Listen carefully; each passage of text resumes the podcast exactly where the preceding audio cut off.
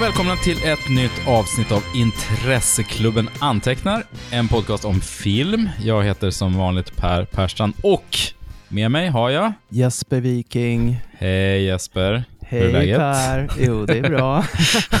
Det var ett tag sedan vi hördes. ja, det var det fan. Det var bra länge sedan nu. Mm. Hög tid för en podd. Har det hänt något uh, mäktigt sen sist? Jobb. Mm.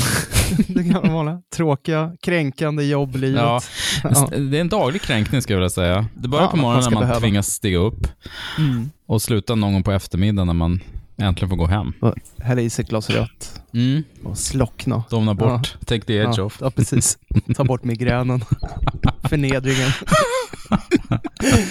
Kul podd. Ja, det har varit, det har varit um, puttrigt. Alltså det är ju så jävla varmt. Jag saknar ju snön. Mm. Så att, ehm, Men du har varit i Tokyo med jobbet ja, det har jag ju sen faktiskt. sist. Mm. Mm, det har jag. Varit på sumobrottning och Var du på sumobrottning? ja, Hur, hur var det? Det var jättekul. Man känner sig som Sean Connery där i You Only Live Twice när han Mm. möter upp den här äh, agenten där på. Just det. Var samma arena för övrigt. Jag hann ju också, apropå film då, så var jag ju också på den här restaurangen där Tarantino spelade in äh, Kill Bill. Ja, Du du vet, skickade ju en där, bild därifrån. Beatrix Kid och slaktar äh, Crazy Mm. 88. fin lokal. Ja, det ser ut sådär med alla de här etagerna. Det här Ja, det stora, stora kvadratiska rummet. Mm. Jag var lite besviken på att kyparen inte såg ut som Charlie Brown, men Mm. i övrigt så var det faktiskt riktigt god mat. Mm. Själv då? Jo, men jobb. Massa kul jobb. Eh, Guldbaggegalan eh, har gått av stapeln. Sen var jag på Göteborg Filmfestival, vilket var kul. Eh, Nu ska jag senare i veckan till Berlin på den filmfestivalen. Just det, Berlinalen. Yes. Eller ja, kanske jag ska säga. Jag har bara varit Mm. Där en gång förut. Precis. 2007 var, var jag och Petra där bara semestrade och då halkade vi in på, vi hade nog inte ens riktigt hängt med att det var filmfestival, så vi halkade in på, ja, men jag tror det var Henry Fool, alltså någon, en av de här Mm. sena eh, Hal Hartley-filmerna, vilket var härligt. Men jag har liksom inte det, vi deltog inte riktigt i festivalen, livet, så det ska bli väldigt kul att se Mm. hur det är. Mm. Det mesta är ju kring Potsdamer plats, så att jag tänkte Mm. passa på att gå till det här. Filmmuseet. Ja, men exakt. Och Mm. eh, även eh, museishoppen som är bredvid där, som har så Ja. otroligt mycket mums. Den är- där kan ja, man... den är smarrig. Fan, då kanske jag ska be dig att... jag var där senast, då hade de eh, alla avsnitt av Columbo på DVD. Åh. Ångrar lite att jag inte köpte faktiskt. Mm. Den var ganska dyr, den kostade typ 70 euro. Men Oj. ändå. Ja, det är ju ändå. alla avsnitt av Columbo. Fasen vad coolt att ha. Mm, det är rätt fint. De har ju en bra filmshop. Jag, jag stod och bläddrade jättelänge, slutade med att jag köpte typ eh, Spione av Fritz Lang, Mm. tre timmar lång. Den stod Ja. inplastad i hyllan såklart, men det är fint minne. Mm. Det var Jo. någon Eureka-utgåva, tror jag, jättefin. Så att, eh, den ska ses Precis. någon gång. Jag var eh, lika klyschig, jag, köpte senaste versionen av Metropolis. Mm. Ja. De här scenerna som de hittade på någon gammal rulle nere i Brasilien. Tror jag. Mm. Den har jag inte plastat av, men eh, jag såg den å andra sidan på bio också. Så det var... Jo, Nej, men den vill man mer äga. Mm. Sen får man väl kolla in eh, alla säsonger av Der Alte och Kommissarie Rex och de här Ja, bra tyska kommissarie serierna. Rex. Åh, den är så bra.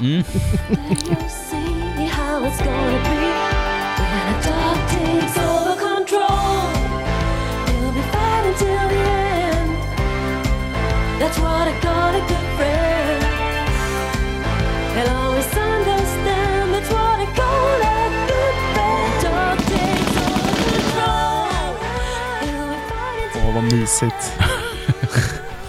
Perfekt. Inte top of mind direkt. Ja, nej, Nej, inte riktigt. Men kommer du ihåg Der Alte då? Den gamle deckarräven? Jajamensan. Ja, givetvis.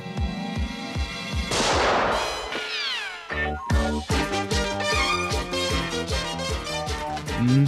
Ja, men det är säkert många boxsets med tyska krimis och sånt Jo. där också man kan kolla. Precis. Men du, har du sett någon kul film sen sist? Ja, Vilken entusiasm det är i den här podden. det var lite kul. Jag såg om Silverado, alltså Ja. Lawrence Kastans westernfilm från 1985. Columbia Pictures presents Kevin Klein. Get some clothes on. Scott Glenn. You know, hanging around with you is no picnic. Rosanna Arquette. I think I'll ride along with the lady here. John Cleese. Today, my jurisdiction ends here. Kevin Costner. Hi, guys! Brian Dennehy. What's going on?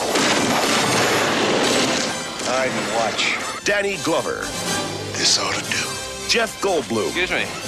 Sheriff, I'm a gambler who'd like to run an honest game here in your town. and Linda Hunt Here's the good stuff. May it last a long time. in Lawrence Kasdan's Silverado. It used to be a peaceful town. Shh! Get ready for the ride of your life. Jag har inte sett den sen jag gick på bio faktiskt. Men det är ett härligt cowboysamys. Skådisfest.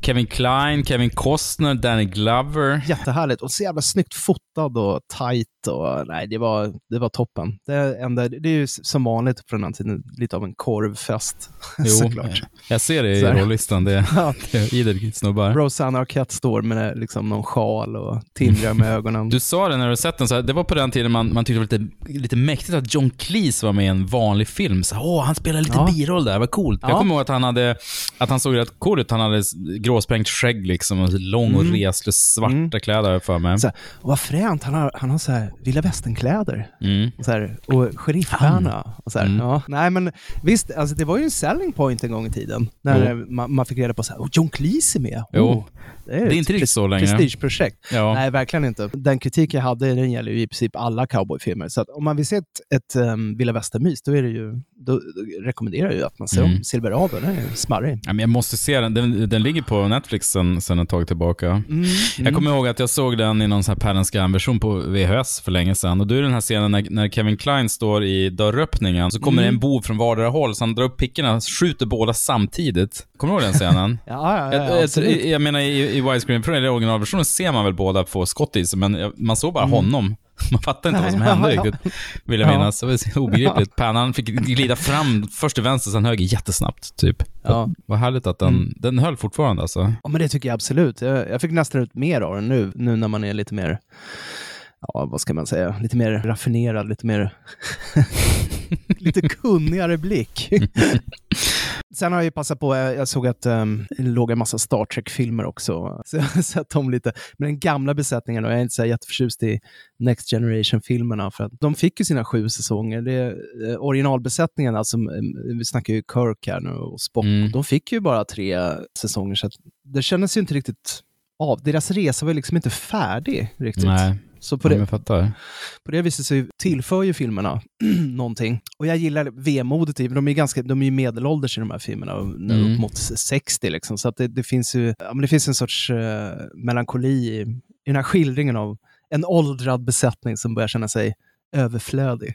Mm. Och liksom att deras tid är förbi. Så där. Det, är, det är härligt. Mm. The Voyage Home 4 då, av, eh, som Leonard Nimoy regisserade själv är ju en outlier, för den utspelar sig på jorden, det var i låg budget då. Man, så här, äh, vi kan inte vara i rymden, då gör vi en tidsresefilm. Så, här, så vi, till, vi är i San Francisco på 80-talet. Liksom.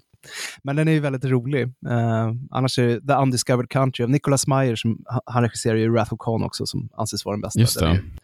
men den är smarrig, med Christopher Plummer som en eh, Shakespeare-citerande Klingon-general.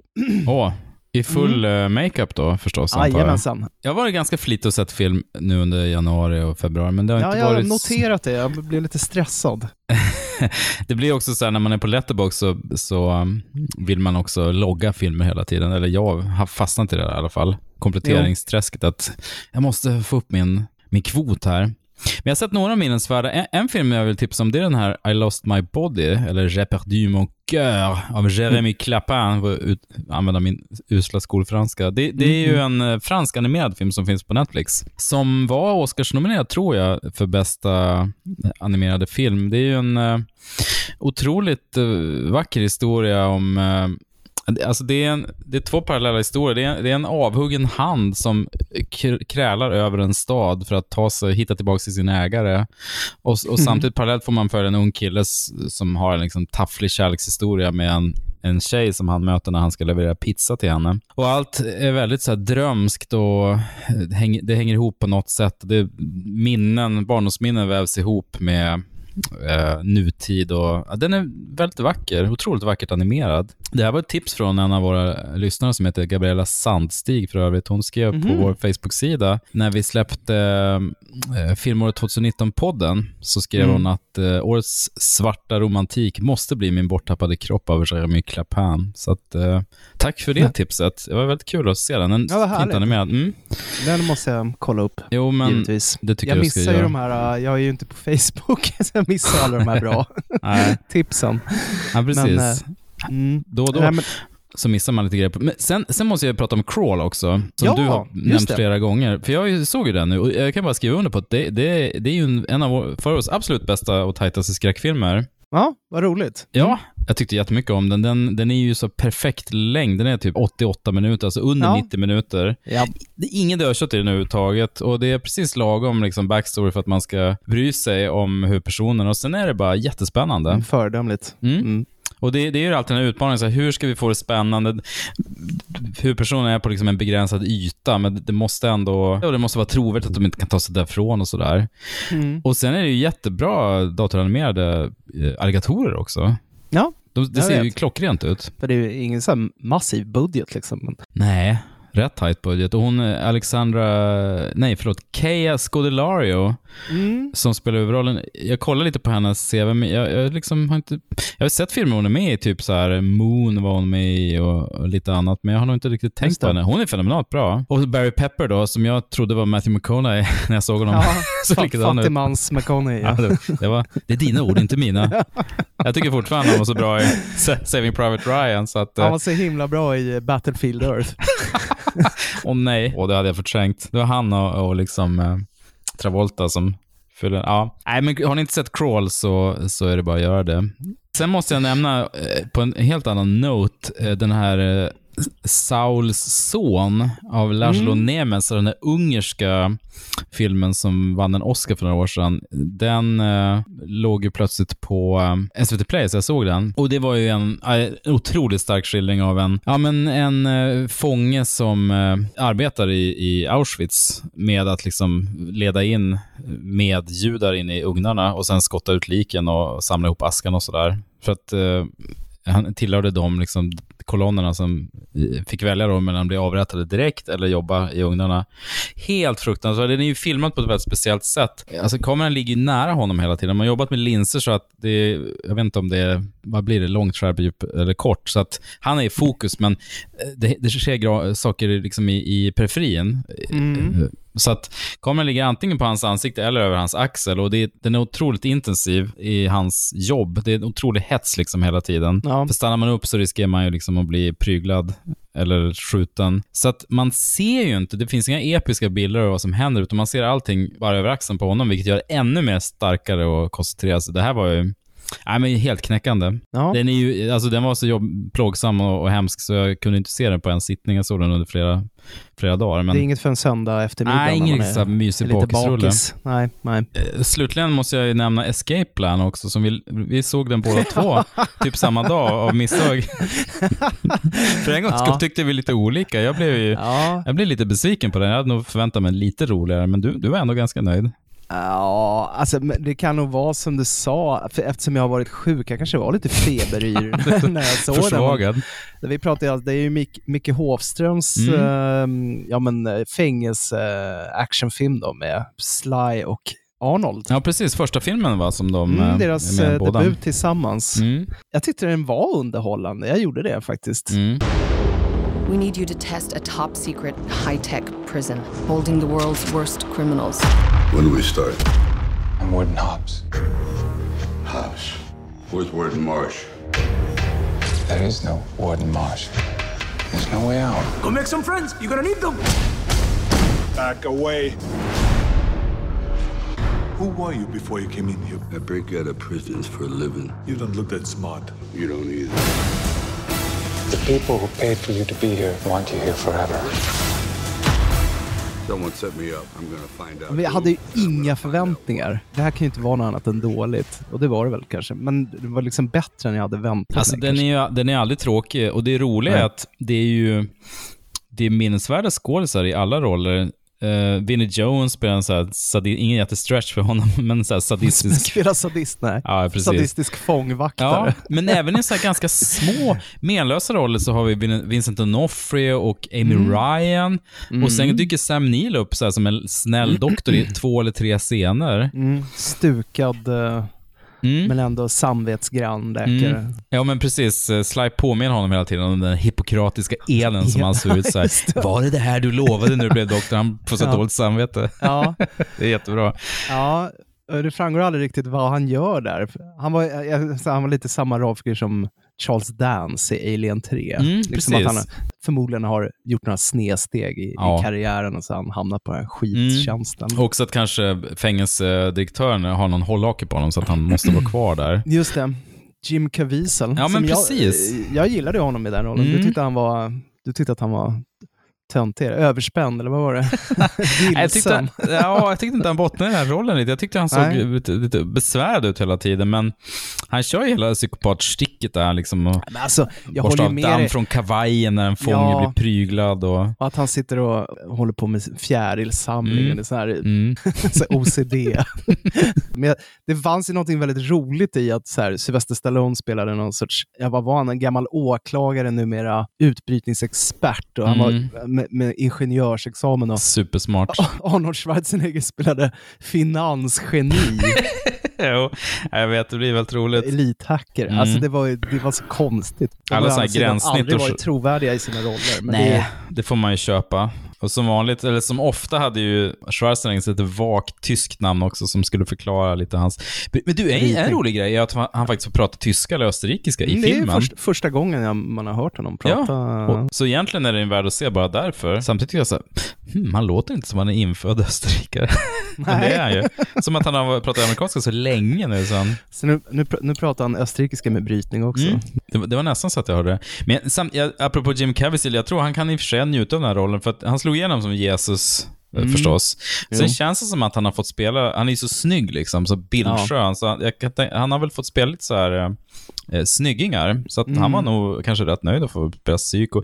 Det jag tyckte var vilsenhet kanske bara var att han ville, han ville, han är otroligt åter, återhållen i spelet liksom. Ja, det är han. Så att eh, jag kanske misstolkar dem. Nej, men det, den är klart värd att se. Den är ju underhållande. Mm. Mhm. Så att, åh, du hade väl rätt då Jasper. Men nu när vi pratar om den så känns det bättre. ordning. Ja. Tjena. Tjena. ja, nej men visst. eh, Det, det är ju däremot en typisk söndag eftermiddagfilm. Jo.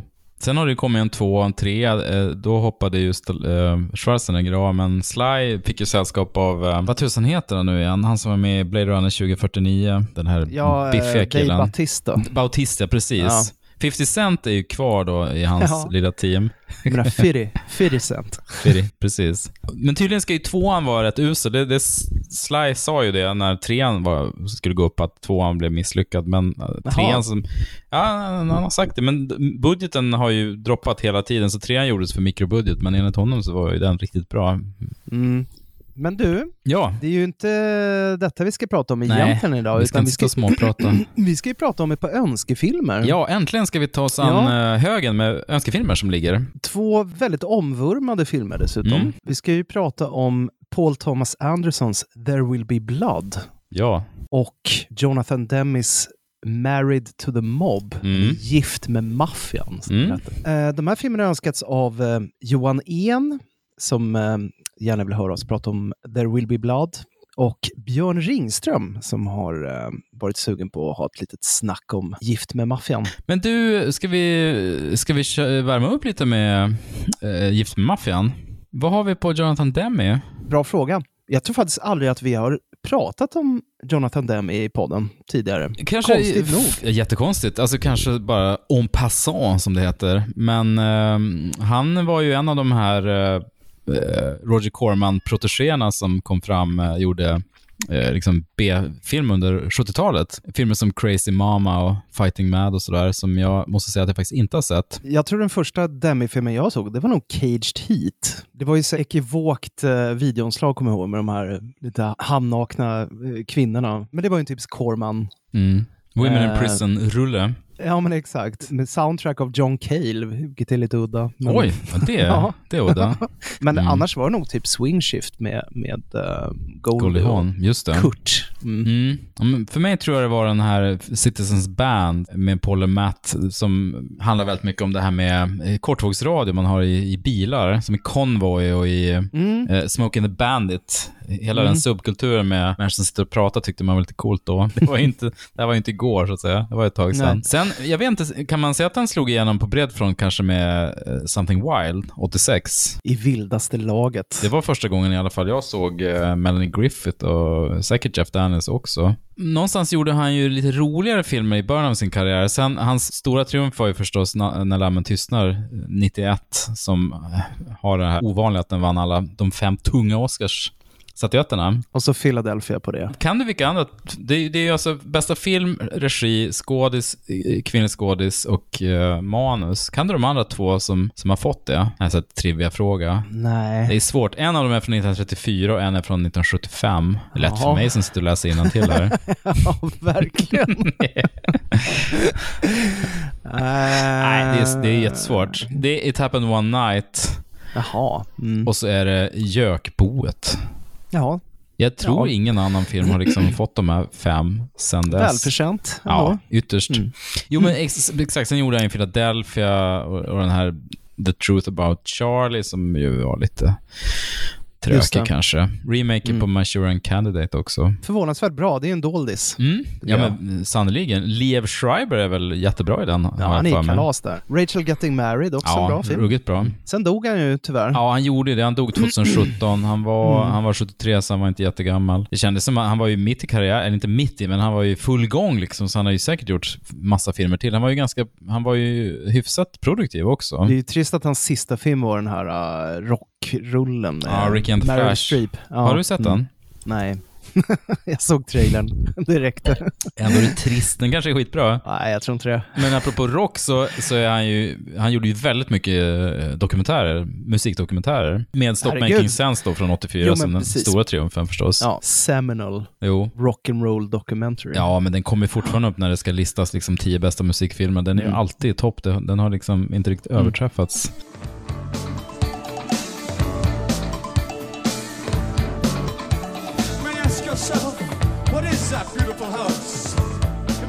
Men ehm, alltså Married to the Mob, eh, det var väldigt kul att se om den, för jag såg den, eh, den kom i 1988, jag tror jag såg den när den kom och Mm. minns att jag tyckte den var väldigt charmig. Everybody loves Angela DeMarco. no, no, no! What are you gonna do about it? Frank loves Angela, but he's married to his job. And how am I supposed to get ahead in the family? The same way you always have. Lie, cheat, steal. Mike loves Angela, but he's married to the law. I say we tap her phone, her house, stake her out, tail her. Tony loves Angela, but he's married to his wife. If I ever catch you two together, Let's try this uniform on, then we'll see how things look. Everybody loves Angela, but she's married to the mob. I want a divorce. It's checkout time, Frankie. I'm coming with you. Angela DeMarco spelade Michelle Pfeiffer, är fru till Frank the Cucumber DeMarco. Alec Baldwin. Så här, bra. Mm, roligt smeknamn. Precis. The Cucumber. Och de säger i filmen så här, ah, det är ingen slump att han kallas The Cucumber. Han är så Mm. pilsk. Eh, The Cucumber är då en karriärklättrare inom maffian. Frank blir våldsamt dödad av sin maffiaboss. Tony the Tiger Russo, spelad av Dean Stockwell, efter att ha blivit påkommen med dennes älskarinna Karen, spelad av Nancy Travis. Angela vill fly från maffian med sin son, men Tony försöker ragga upp henne på Franks begravning. Detta leder till att FBI-agenterna Mike Downey och Ed Benitez, spelad av Matthew Modine och Oliver Platt, tror att hon är mycket mer inblandad än vad hon faktiskt är. Det leder också till att Tonys hårda fru Conny, spelad av Mercedes Rule, tror att Angela vill stjäla hennes man. Det blir ytterligare förvecklingar när Agent Downey går undercover och i samband med detta förälskar sig i Angela. Förvecklingar var ordet. Hilarity ensues. Alltså det här är ju huvudsakligen en, eh, en fars. Anslaget är tydligt när, när man ser bara på vilka eh, typsnitt som används under förtexterna. Ja. Eh, Det är, det är ändå jag så tror här... till och med jag såg Comic Sans där Ja, jag gånger. vet. Jag tror det. Jag tänkte så här, och nu, nu får Jesper, nu får Jesper Ja. hjärtinfarkt när han, Ja, när han ser de här. Precis, Ja. bara satt och var skaka. Men vet du, såg du det att det är faktiskt Pablo Ferro som har, eh, som har designat förtexterna? Ja, jag såg det. Och han, han, eh, han är ju kanske mest känd för Dr. Strangelove. Det, här, Ja. där han, det, det var väl han som ritade liksom det typsnittet som, som sen Ja. finns, va? Jajamän. Ja, jag har det till och med på datorn. Ja. Det, Det är jättecoolt. Han har gjort eh, till jättemånga filmer. Han har jobbat med, därmed på andra filmer som Citizens Band som sagt och Philadelphia också. Han har gjort Beetlejuice, eh, Stop Making Sense också, Men in Black. Ja, Mm. Bullet, massa härligt. Anslaget och själva Married to the Mob är, är ju väldigt så här cartoonish och eh, signalerar att nu blir det kul. kan Och- man lugnt säga. Ja, det kan man säga. Ehm, jag tror efter, typ, jag bara var en kvart, 20 minuter in i filmen så smsade jag och sa så här, vad fan är det här en barnfilm? Alltså det kändes så himla anspänt och övertydligt allting. Mm. Det tog ett tag, jag var tvungen att vänja mig vid det för att uh, börja uppskatta den. Mm. Ja men verkligen. Han, Demme står ju inför utmaningen här att balansera liksom farselement med eh, liksom ond Ett bråd allvar. död också. Ja, det finns ju ett Ja. allvar såklart i botten. Ja, alltså öppningsscenen, um, Alec Baldwins uh, rollfigur och någon uh, torpedkollega där ska avrätta en kille på Mm. uh, morgontåget. Ja, jättesnyggt. Det är så otroligt snygg sekvens. Det är väl så De Palma-känsla på den. Jo, men just när, när, när det blir, lamporna släcks och det här röda, svarta stroboskopljuset kommer upp samtidigt som de Mm. gör mordet. Det är ju... Måste haft en otroligt fin kalibrig pistol dock, för det blir bara jättelite blod. Det blir inte Ja. så här hjärna över Nej, hela... det var lite så här luftpistol nästan. Mm, nästan. Ja. Det, var, det var otroligt elegant. Och vi kanske återkommer till skådisarna, men hans, eh, Franks kompanjon är, är ju den här Paul Lazar som Mm. gjorde, han är ju med i många av dem filmer. Jag minns ju honom framförallt från eh, När lamman tystnar. Han, har ju, Mm. han, han tittar lite kors lite grann, så han ju väldigt är- särligt utseende liksom. Ja, exakt. Han är vindögd. Ja, han är Ja. ju det. Och jag tror att han spelar väl den här, är inte han så här fjär eller s- insektsexpert som eh, Clarice Jo, är- Starling möter där? Ja, etymolog heter det väl va? Nej, vänta, etymologi, det är väl ordens ursprung? Heter det inte? Ja, just det, så är det, ja. Oftalmolog? Entomolog är han. Så heter det. Bra. Ja. Bara en tomolog, inte två alltså. Det är dags för crickets igen. nej, nej. Hur som helst, det, det, det mordet är väldigt snyggt iscensatt. Och här får ju fotografen, Tak Fujimoto, verkligen briljera. Mm. Är jättefint det- fotat. Ja, men det är fantastiskt. Och han har jobbat med Demi förut, inte minst och givetvis på När dammen tystnar. Och han, ser, han kör den tekniken, du vet, att han, väx, han kör extrema närbilder och Mycket att de pra- närbilder. Mycket närbilder och Mm. att de nästan tittar in i kameran och pratar till kameran. Bryter fjärde väggen. Mm. Ja, och i, det är ju givetvis, som vi alla vet, och det är otroligt effektivt i När lammen tystnar eh, under de här förhören, eller när hon är nere i, i hans cell där med Hannibal. Men det funkar väldigt bra här också. Alltså nästan i- inte gränsen för självparodi. Det är ju någon scen i sista akten där när Michelle Pfeiffer eh, ger kameran en uh, käftsmäll, Mm. vilket var väldigt så extrem, men väldigt härlig liksom. Jo, ja, men också när scen. Mercedes Rule får reda på att Frank har plockat med henne till uh, resorten, då tittar hon väl in i kameran och bara "Åh!" blir helt galen. Ja, jag vet. Så Det kommer så här rök i öronen på ja, henne nästan. det var nästan så, på gränsen till det. Det mest positiva för mig med att se om den, det var ju liksom att få se Michelle Pfeiffer för att Hon är fenomenal. inte. Hon är ju, numera är hon ju en uppburen skådis och, och har fått eh, sitt erkännande, men på den tiden hade man ju, det fanns ju ingen respekt för Michelle Pfeiffer riktigt på 80-talet. Hon var ju liksom bara en, Mm. en snygging. Mm. Liksom. Men nu när man återbesöker de här filmerna så inser man ju, fan hon har ju alltid varit svinbra. Mm. Ja, men Så- hon har ju det. Hon bär ju verkligen den här filmen. Ja, och hon, hon eh, balanserar så otroligt bra. Alltså hon gör ju Angela verkligen till en människa som man bryr sig om. Alltså hon lyckas på något vis, hon, hon lirar med i farsen. Hon, hon vet verkligen vilken film hon är med i. Det är inte som att hon inte vet det, men hon... Spelar en annan film. Mm, nej. Vilket ju Nej. kan vara problem ibland, just det här med tonalitet. Som, den är ju mer fars kanske än än seriös drama, så att säga. Men man bryr sig om henne och tycker att hon är äkta. Hon har ju väldigt bra komisk timing. Ja. Jag är förvånad att hon inte har gjort fler Mm. komedier faktiskt. Nej, men det kanske var a blessing and a curse att vara så snygg, att hon får snyggroller bara. Har legat henne i fatet. Ja. Ja, men kanske. Hon är ju i- hon är helt i särklass genom hela filmen. Men sen är det ju kul att Demi har sitt eh, liksom, skådisgalleri som han återanvänder i många filmer. Charles Napier till exempel. Ja, som, som, han är ju... dyker upp som, som frisör. frisör, Ja. Han är helt galen frisyr. Alltså, Det är så märkligt för att jag tänker på honom, han är nästan att, han, han ser ganska hårdkokt och råbarkad ut. Mm. Eh, Och han i När lammen tystnar är ju en av de här fångvaktarna som är ganska, ganska klantig egentligen. Som Ja. blir eh, typ uppäten av Hannibal, eller i alla fall misshandlad med batongen där. Det är ju jätteläskig scen. Men här har han ju så här ringar i öronen och Ja. strimmor i håret. Ja. Och... Otroligt bra. Jätteroligt. Och sen även Tracy Walter som spelar, här spelar den här slemmiga restaurangägaren som ber, ber Michelle Pfeiffer byta om och så står han och tittar Mm. genom ett titthål där. Han har riktigt risiga tänder. Han är, dyker ju upp i massa småroller i den med filmer också. Han är med i När lammen tystnar också. Jag kommer inte ihåg exakt vad han spelar där, men Mm. överlag känns det som att han har kastat ganska mycket kompisar, eller icke-skådisar i många småroller. För att det, det är sådana ansikten och sådana figurer, fast man kan känna att de inte alltid är eh, superbra eh, aktörer, så att säga. Folk som jobbar eh, gratis. Det är så cynisk. Ja, vad fan. Why Jo, not? men jag fick känslan av att det är lite så här regissörs eh, polare eller film, filmarbetare som hoppar in där. Mm. Ja, Chris Isaac som Hitman. Ganska bortklippt förstår man ju av eftertexterna. De kör ju mycket såna här alltså, bortklippta scener. Ja, det var kul med eftertexterna, för att det är Mm. jättemycket outtakes. Både scener som liksom, ja men, vi har sett scenerna, men de är kanske filmade från en annan vinkel lite mer. Men sen Mm. också filmer som inte alls är med i, i Mm. filmen. Och det är ju kul, för att det är ju inte bloopers, utan Nej, det är saker som hamnar på klippgolvet Ja, men bara. precis. Så Mm. att, eh, det är ett ganska bra sätt att använda det, för man sitter ju och myser och njuter. Nej, men apropå skådisarna, så det är väldigt kul att se Mercedes Rule.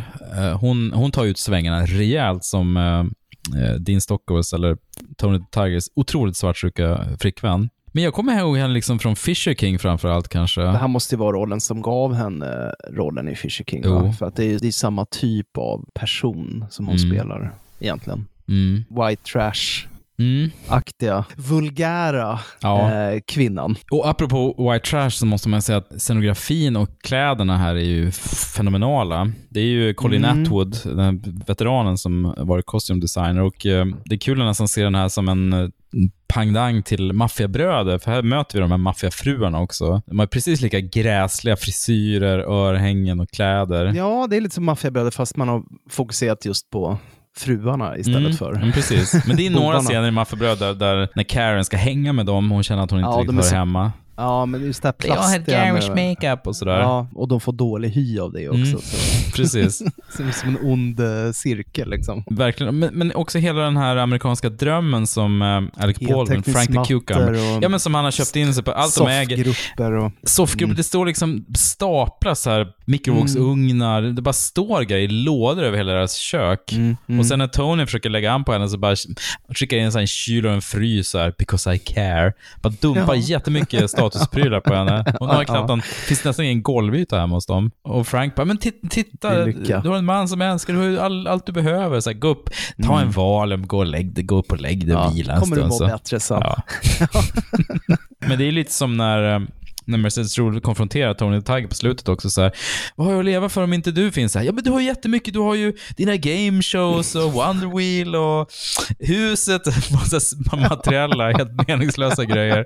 Your game shows. Ja, precis. Det var din dag-tv. Ja, du har ju det. Det är det du ska leva för. Ja, det är roligt. Nej, men det, är, det är en, finns en del riktiga pärlor i manuset här. Ja, men verkligen. John Cusack dyker upp också som en, en ganska Mm. liten roll, som en av de här maffiafruarna. Man är ledsen att man inte får se mer av henne. Ja. Man, man vill alltid ha mer Joan. Man vill alltid ha med Joan. Som du sa innan vi började spela in, att det, det svaga kortet i den här filmen är ju tyvärr Matthew Modine. Ja. För att jag har alltid, hade du frågat mig för ett par dagar sedan så hade jag sagt, åh vad synd att man inte ser mer av Matthew Modine, för Ja. han var ju en sån 80-talsfixtur. Han gjorde Ja. jättemycket grejer och, Mm. och jag tyckte alltid han var toppen. Mm. Men nu är jag som satt och retade mig på honom, hans slängiga stil och hans Ja. jävla dumflin. Ja, men jag, jag tyckte likadant, för att jag, som jag minns när jag såg den första gången var att han, jag tyckte han var hilarious. Och vad rolig han är, Matthew Modine.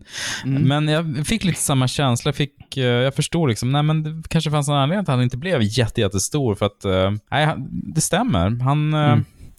han höll inte riktigt hela vägen. Speciellt inte när han sparras med Michelle Pfeiffer som var så jävla bra hela tiden. Man, Nej, men jag får inte riktigt kläm på vem han är i den här filmen. Jag vet, han är en sån endimensionell Mm. figur på ett helt annat sätt än till och med Dean Stockwell som verkligen är en sån här en arketyp. Ja, Liksom. jo, han är klädd som en 30-talsgangster också. Det, Ja. det är nästan lite svårt att bestämma i tid var han ska befinna sig någonstans. Det är också så att de, de är det New Jersey de är i, i början Ja. av filmen? Ja. För att eh, de är någon slags, han är ju så tungt namn i New Jersey, men de har ju så enkla vanor, drar äter burgare och allting är så tacky hela tiden. De har så här maffiamöte på typ medieval times, Mm. så här me- medel, så här riddarturneringsrestaurang och så här. Mm. Det är så himla B. Det var ju trist med, med Matthew Modine, för att jag, menar, jag tycker han var ju jättebra i såna här filmer som jag menar, Fu- Full Metal Jacket, Birdie och Mm. Ja, jättebra. eh, Vision Quest, den här, när han, den här, han vill bli brottare. Den har high inte jag sett faktiskt. Den är jättefin. Mm. Den kan jag rekommendera. Men sen har han ju bara, han är ju försvunnit. Alltså han var med i Stranger Things. Jo, man blir glad när han dök upp nu i Stranger Things, för att Mm, han har inte mm. gjort någon film man har koll på på evigheter. Han var med i Sicario 2 ser jag nu. Oj. Det, det Mm. hade jag glömt bort. Mm. Och 47 meters down.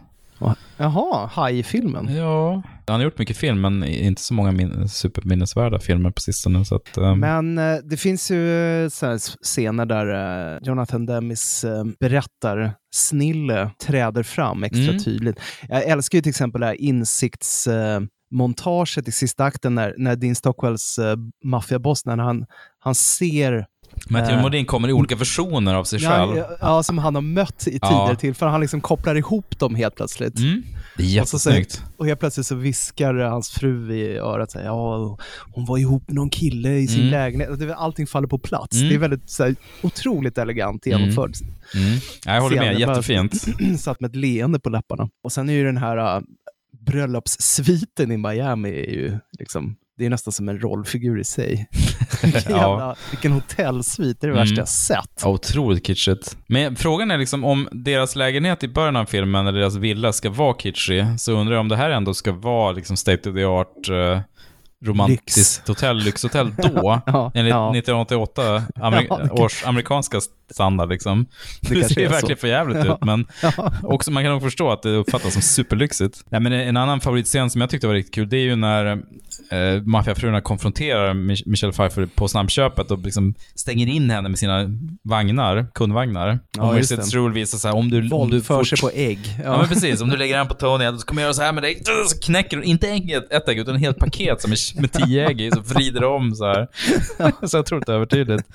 Rinner ägg över- överallt. Inte minst blir jag ju inspirerad då att, att vi faktiskt tar ju tur och gör en Jonathan Demme-podd vid Nej, tillfälle. men det vore kul för att jag, jag har inte sett Philadelphia sedan den kom jättelänge Nej, sedan. Och jag, det vore kul att återbesöka hans liksom, tidigare 70-talsfilmer också. Mm, mm. Han var ju väldigt mångsidig. En grej som var lite svår att köpa var ju Angelas son, hur han helt otraumatiserad av att hans farsa blir mördad. Mm. Och Åh, att- mammas nya kille. Här är mammas nya Vad kille. trevligt. Han gillar dinosaurier. Ja, precis.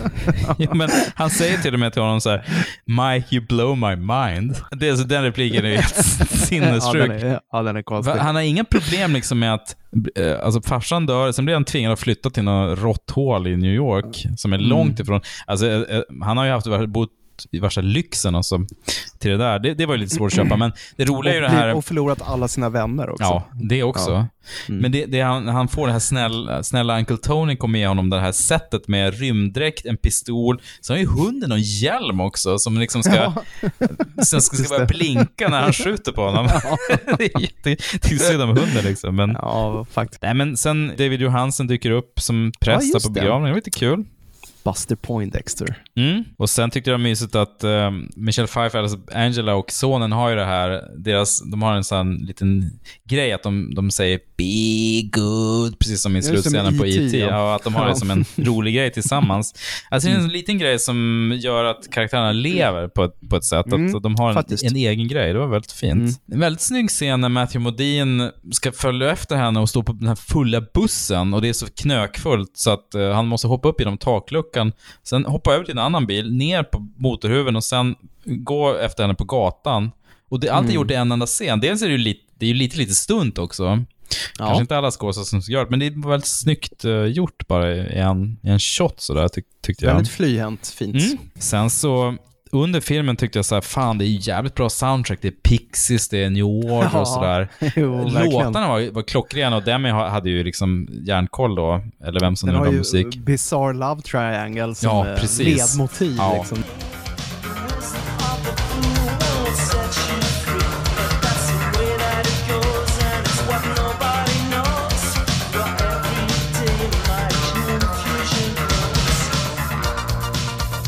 Men den kommer ju ganska Smarrigt. tidigt. Först kommer det här coola mordet, sen kommer det som man bara Jesus. Men sen Mm. tyckte jag att den nyskrivna musiken var lite så haltande. Jag tyckte så här, "F- mm, det här var inte så bra Mm. arrat. Och sen bara i eftertexten såg jag att det var David Byrne. så Ja, det, what the hell? Alltså det var inte jättebra musik alltid Nej, av nej. honom.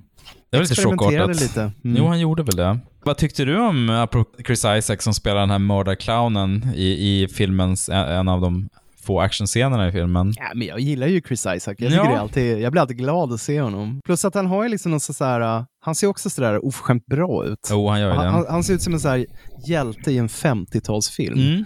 Vilket gör att det, han lämpar sig väldigt väl för just sådana här uh, psykopatroller. Han ska det blir så bra kontrast på något sätt. det. En sån här svärmorsdröm, men ändå så här dödlig, livsfarlig. Nej, men det var det jag skrev upp. En Massa små detaljer som är väldigt charmiga. Sen tyckte jag det var kul också. Dels eh, outtakes under eftertexterna och sen såg du den här lilla sekvensen som är efter eftertexterna? Nej, det missade jag. det blir ju svart och så Kom kommer Nick låtarna. Fury in då. Ja, precis. you have been selected. Det var väl tidig Avengers-grej. Nej, men det är en ganska, det är en kort scen med eh, Matthew Modine och, och Michelle Pfeiffer där de bara eh, kramas och håller på. De är vid något, vid, de springer upp för några trappor över någon stor byggnad och Mhm. har en liten dans. Det var ju ganska Ja. fin. Ja, trevligt. Eh, Ja, en, en, lite bagatell, men ändå mysig. Mm. Tack så jättemycket till Björn. eh, Björn för att eh, du uh, önskade den här filmen. Det var väldigt kul att se om den. Mm, den det det finns eh, på iTunes, det var där jag såg den i alla fall, så att den går att hitta. utan problem. Jag såg den på Google Play. Mm. Fanns den också. Det har jag faktiskt aldrig testat. Ja, I HD. Oh, ja. ja, men det var Mm. fin. Den såg fin ut på iTunes också. Ja, nej tack. Verkligen. Det Just var, det. Tack, var tack. Mysigt. Nu blir det lite allvarligare. Ja.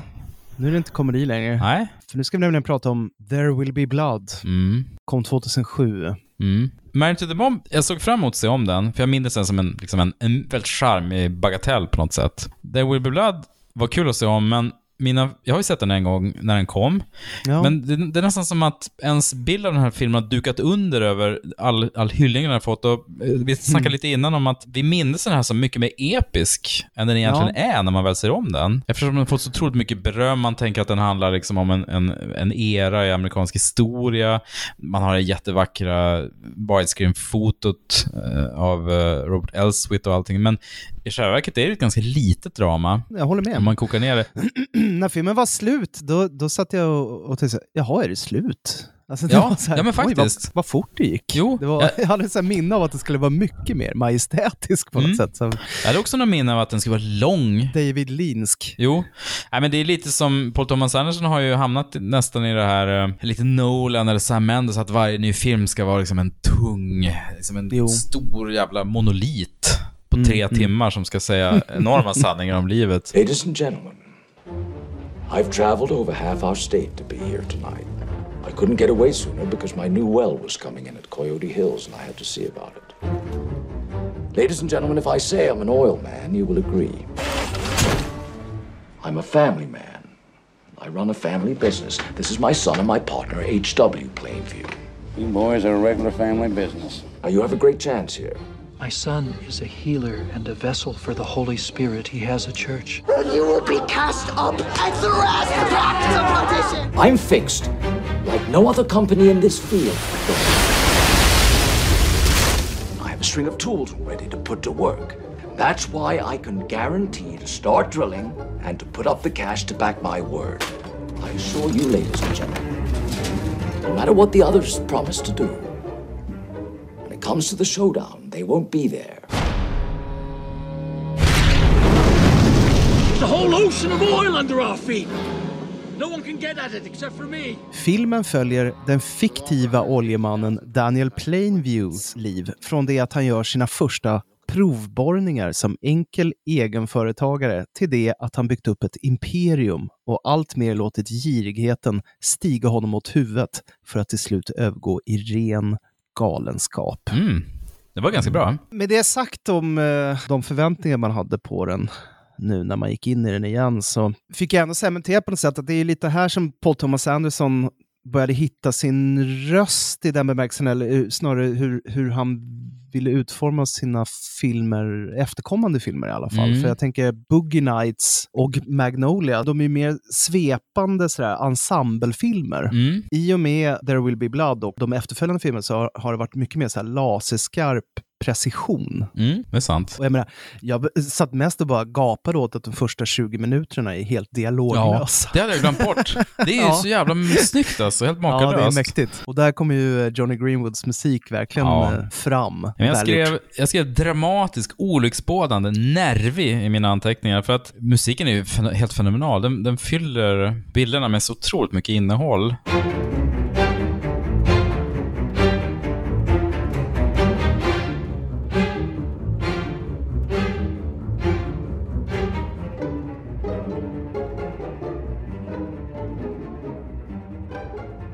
Det är ju den här, för att den har lite disharmonisk natur Ja, men precis. Ja, den är en perfekt följeslagare. Mm. För det första så är det ju konstigt att vi har ju heller inte pratat särskilt mycket om Paul Thomas Anderson. Nej, det är jättekonstigt. Vi, vi har inte gjort några avsnitt om honom.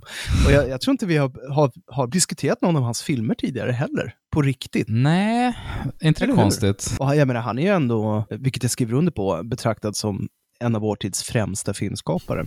Absolut. Visst är det är märkligt. Magnolia och Boogie Nights, det är nog två av de bästa filmerna jag, jag har sett om jag ska börja lista liksom, favoritfilmer. Hard Eight är ju är- svinbra.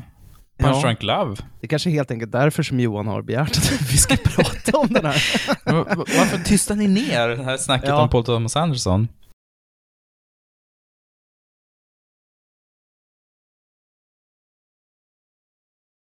Vi kanske ska börja med, den här är ju egentligen baserad på en eh, roman Mm. Som heter eh, Oil, skriven av, Upton Sinclair, ja. det låter som rollfigursnamn. ja. det låter ju Upton nästan Sinclair. som en pseudonym. Det låter som den här Roderick James som bröderna Coen kallar sig när de klipper sina egna filmer.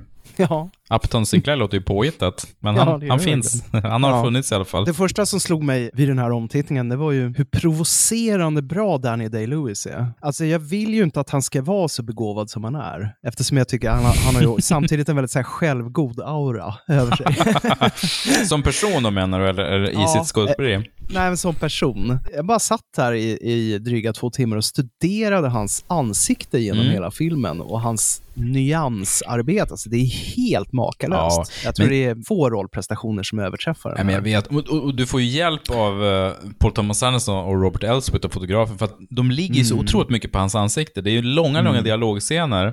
Han syns ju i nästan varenda scen. Men jag vet, som Mm. när han är, båda de här scenerna när han är och ska övertyga ortsbor om att sälja. Det är ju bara röster runt om, man, man, kameran ligger ju hela tiden på honom. Väldigt tätt Ja. liksom. Och hans, nej men, det är ju jättesvårt att förstå att han är britt till att börja med. Alltså han känns ju Ja. uramerikansk. Det går inte Ja. riktigt att, alltså han, han, det är den här klyschan att han bebor varenda jävla roll som han spelar.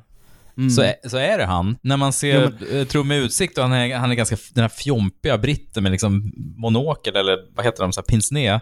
Man fattar Ja. inte att det är samma person.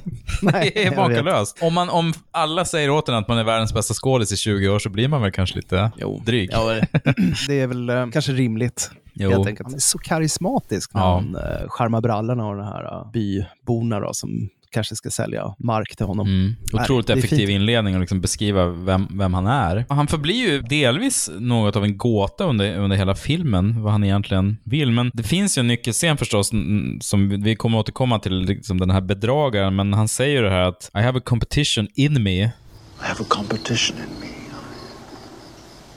I want no one else to succeed.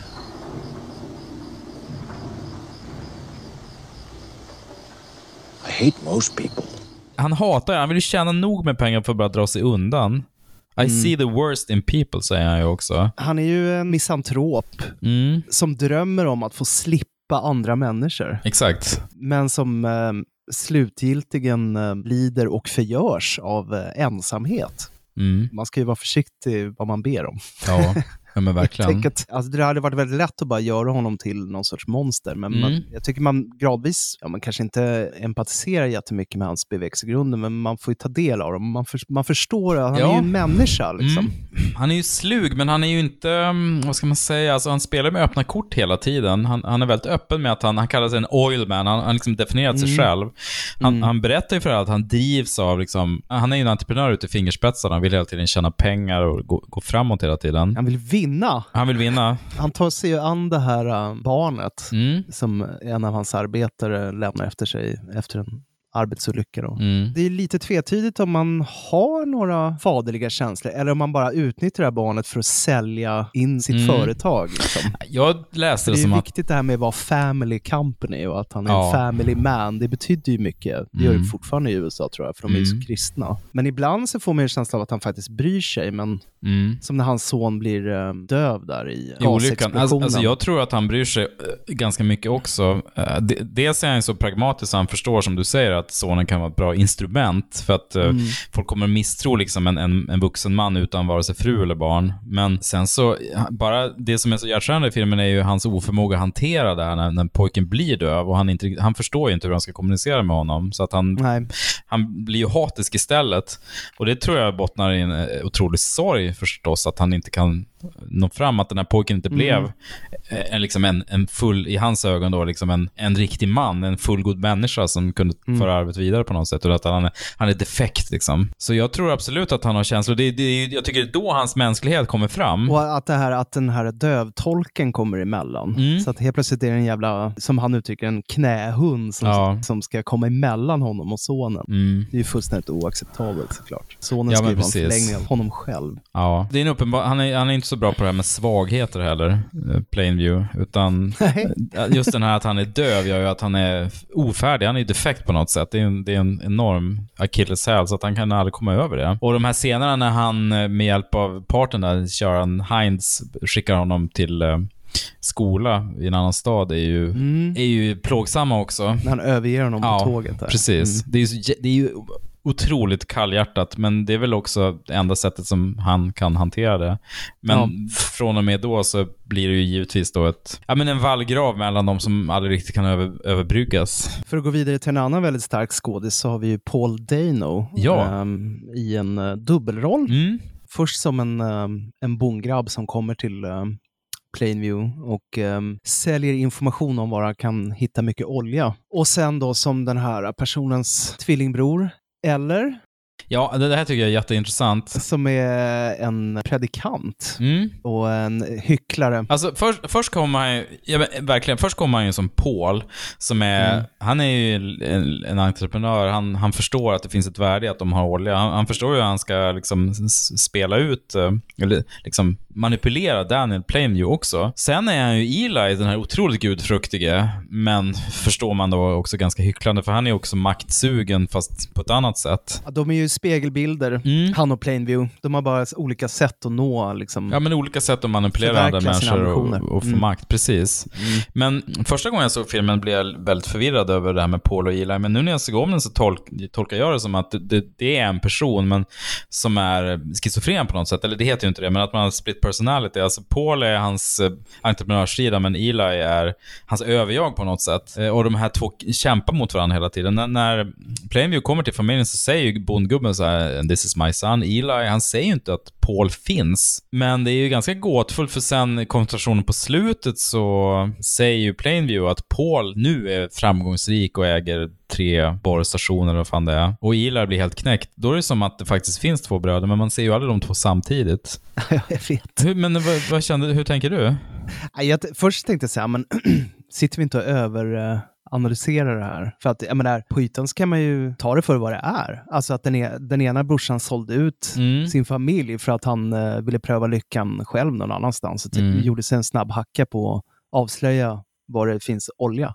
Men var är då Paul i resten av filmen? Vet, någonstans. Alltså det, är, det är inte så relevant. Han är ju Nej. ointressant som rollfigur. Det är ju hans, hans maktkamp med den här äh, andra brorsan som är intressant, för de är ju så lika varandra. Ja, visst. De är ju det. Att han har ihjäl Eli på slutet, det är ju lite som att han har ihjäl sig själv Jo. och säger I'm finished Ja, till butlern. Det är så ja. otroligt bra slutreplik så här, Will you be Ja. needing anything more? Så här, Nej, I'm finished. Det är verkligen så här, Ja. nu är det kört, nu är det slut. Ja, men det är som att han straffar sig själv för allt dumt han har gjort. Mm. Och han har ju precis eh, skjutit sonen ifrån sig. Och, Men alltså, han det är finns så en full självspäkning i det. Alltså Ja. han är ju så full av självhat där på slutet. Nej men jag kanske överanalyserade. Men, men va- varför, Kanske. har, varför Eller, ja. spelar då Paul Dano båda rollerna? Vad är poängen med det?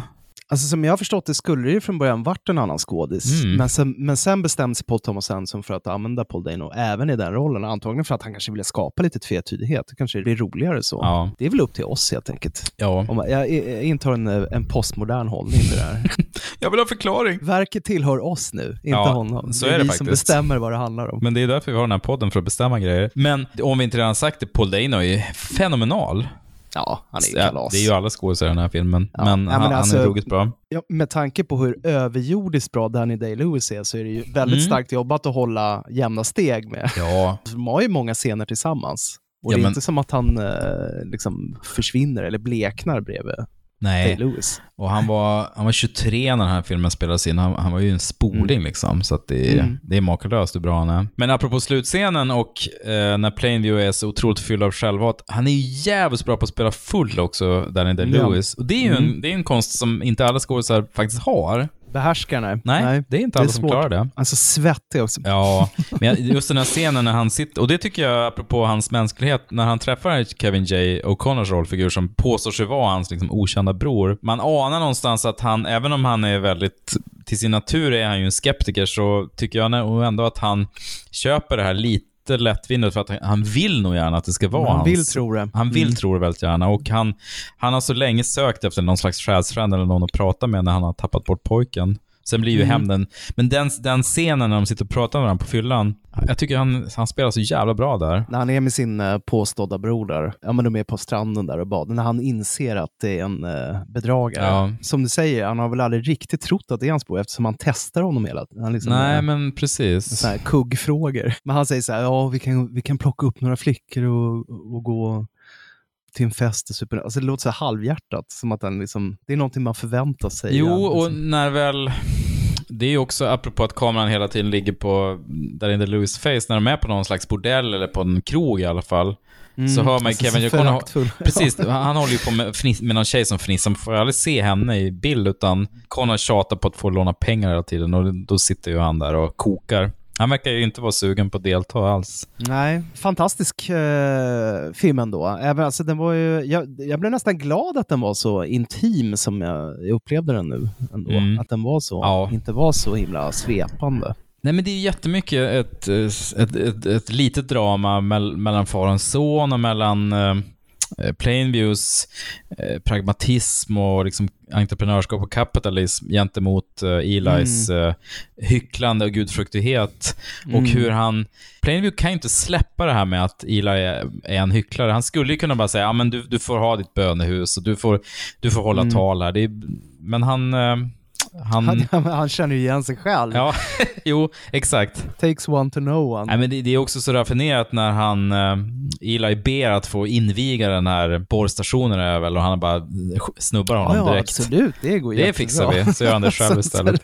Och sen kommer Elis hem när han tvingar honom att döpa sig där och erkänna sina Ja. synder i, i kyrkan. Mm. Och bara förnedras. Det, är- det är väldigt Mm. raffinerat. Tänkte på det förresten, när, när han har genomgått hela den här proceduren och, så reser han på sig, så, så viskar han ju någonting till Eli, som gör att Eli ser lite ställd ut, typ så två meningar bara. Mm. Jättenyfiken på vad han sa där. Det är lite som visningen i Lost in translation också. Så Ja, vad, vad säger han? säga. Ja. Man vet inte. Kan, kan ju föreställa dig hur många som har suttit med det klippet och så här, skruvat upp ljud, bakgrundsljud och så Ja, här, precis. försökt, eh, Försökt köra analysera. läppläsning. Ja, Säger han. Det var Daniel Lewis som bara, du jag kan spela brallorna av dig när som helst. Ja. Eller, du var dålig förra tagningen, får skärpa dig nästa. Så här, jag, psyka tror, honom. jag tror nog faktiskt att han är en väldigt generös medspelare. Jag tror, jag tror det är delvis därför Paul Dano framstår som så bra. Mm. För att han, eh, Day-Lewis bjuder på det helt enkelt. Jo, men jag kan Mm. föreställa mig det också. För det är ju som du, som du har sagt tidigare, det är, det är, ju- det är ju elektriskt scenerna mellan de två är ju helt Mm. eh, makalösa. Det är ju inte att han kör... Nej, men eh, precis. Han kan stå tillbaka i en scen också. Ja, det var mycket härligt att se om den. Ja, det jag var, säga. jag tyckte mycket mer om den. eh, Samma här. Den här jag blev gången. mycket mer förtjust i den nu Mm. än eh, när jag såg den på bio faktiskt. Ja, men jag Så. kunde lite kasta av mig all förväntan, alla Oscars och allt snack och bara se den. Jo, men absolut. Nej, så tack Johan. Det Mm. var väldigt härligt. Det var toppen. Ja, gött! Men du, ehm, ja, vi återkommer ju inom kort med ehm, fler önskeavsnitt faktiskt. Vi har vi. en eh, liten back-catalog här som vi ska beta av nu under våren eftersom vi Mm. har förnyade krafter. Ja, Och så ska vi se till att komma ut med en eh, ny Patreon-podd också. Det ska vi göra. Till eh, våra trogna lyssnare på Patreon. vi ska snacka om de filmer vi ser fram emot mest under året som kommer, vilket ska bli kul. Mm. Ja, det ska bli väldigt roligt faktiskt. Det blir som trailertugg, Ja. vår, ga- vår gamla favoritpodd. Åh, saknar Ja. trailertugg. Ja, var så ja. himla bra. Tack för att ni lyssnar. Tack för att ni finns. Eh, hör gärna av er på, till oss. På, vi finns på Facebook, och på Twitter och på Instagram. Och ni kan mejla oss på ikapodcast.gmail.com. Jag tror det var länge sedan vi tjatade om att ni ska gå in på iTunes och betygsätta oss, men det får ni jättegärna göra. Speciellt nytillkomna lyssnare som tycker att det här är bra. Kan gärna gå in och ge oss en femma. Apple Podcasts heter det väl nu för tiden va? Det kanske gör. Vad sa jag? borta. iTunes? Nej, just Ja. det. Precis. Gå Mm. in och, och betygsätta oss där. Jag tror inte vi är ensamma om den eh, förvirringen. Nej. Vill ni eh, få tillgång till eh, Patreon-poddarna så går ni in på... Icapodcast.se kan man Just gå det, på. så går man in på. Icapodcast.se så får ni lite olika alternativ där. Men du Jesper, tack för idag. Ja, tack själv. Vi hörs snart. Ja, det gör vi. Ha det fint. Ha det fint. Hej. Hej då. Hej.